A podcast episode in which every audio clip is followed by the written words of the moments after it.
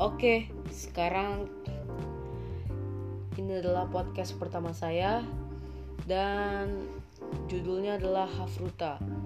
Hafruta adalah berkumpulnya dua atau tiga orang membentuk sebuah kelompok untuk membahas satu ayat dalam Alkitab. Nah, langsung saja kita mulai.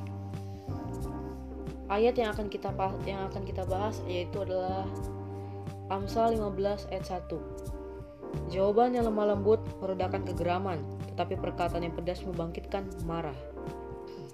Oke. Jadi yang saya dapatkan yaitu adalah membalas atau memberi komentar atau omongan yang lemah lembut walaupun dia marah itu bagus untuk meredakan amarah seseorang.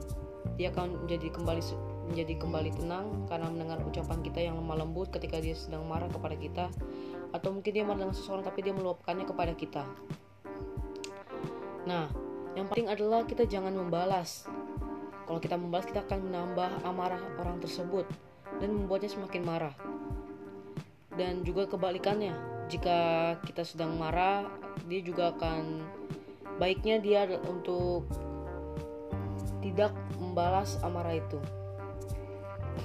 Oke, sekarang eh, teguran yang saya dapatkan yaitu jika ada seseorang saudara atau teman dekat atau salah satu dari keluarga saya yang sedang marah dengan saya lebih baik kita dengarkan terlebih dahulu. Sampai selesai baru kita akan menjawabnya dengan lemah lembut. Seperti jika kita dimarahi oleh orang tua kita jangan membalas atau jangan membantah. Tetapi kita minta maaf jika kita berbuat kesalahan tapi memang kita tidak berbuat kesalahan.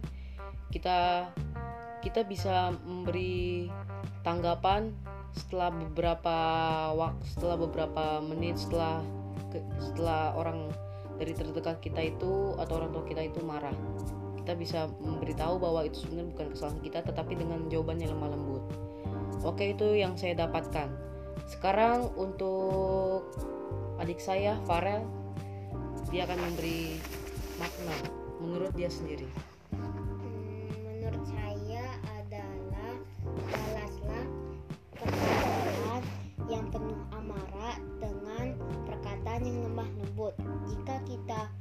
membalas dengan penuh amarah juga, maka masalah tidak akan terselesai.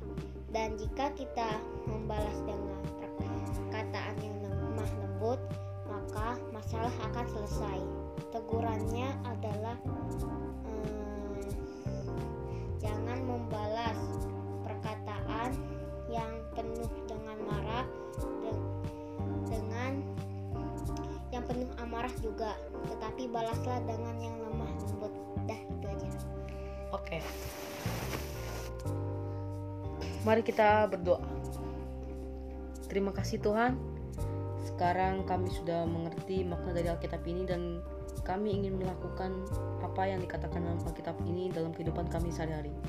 Berkati kami hikmat Tuhan agar dapat membedakan mana yang baik dan mana yang jahat agar kami dapat memilah mana perkataan yang membuat hati orang senang dan mana membuat hati orang kembali marah Tuhan. Dan juga berkatilah kami selalu ya Tuhan. Terima kasih Tuhan Yesus. Haleluya. Amin. Baiklah sekian untuk hari ini dan jika masih ada yang bingung bisa lihat dalam deskripsi apa arti hafruta. Terima kasih. thank you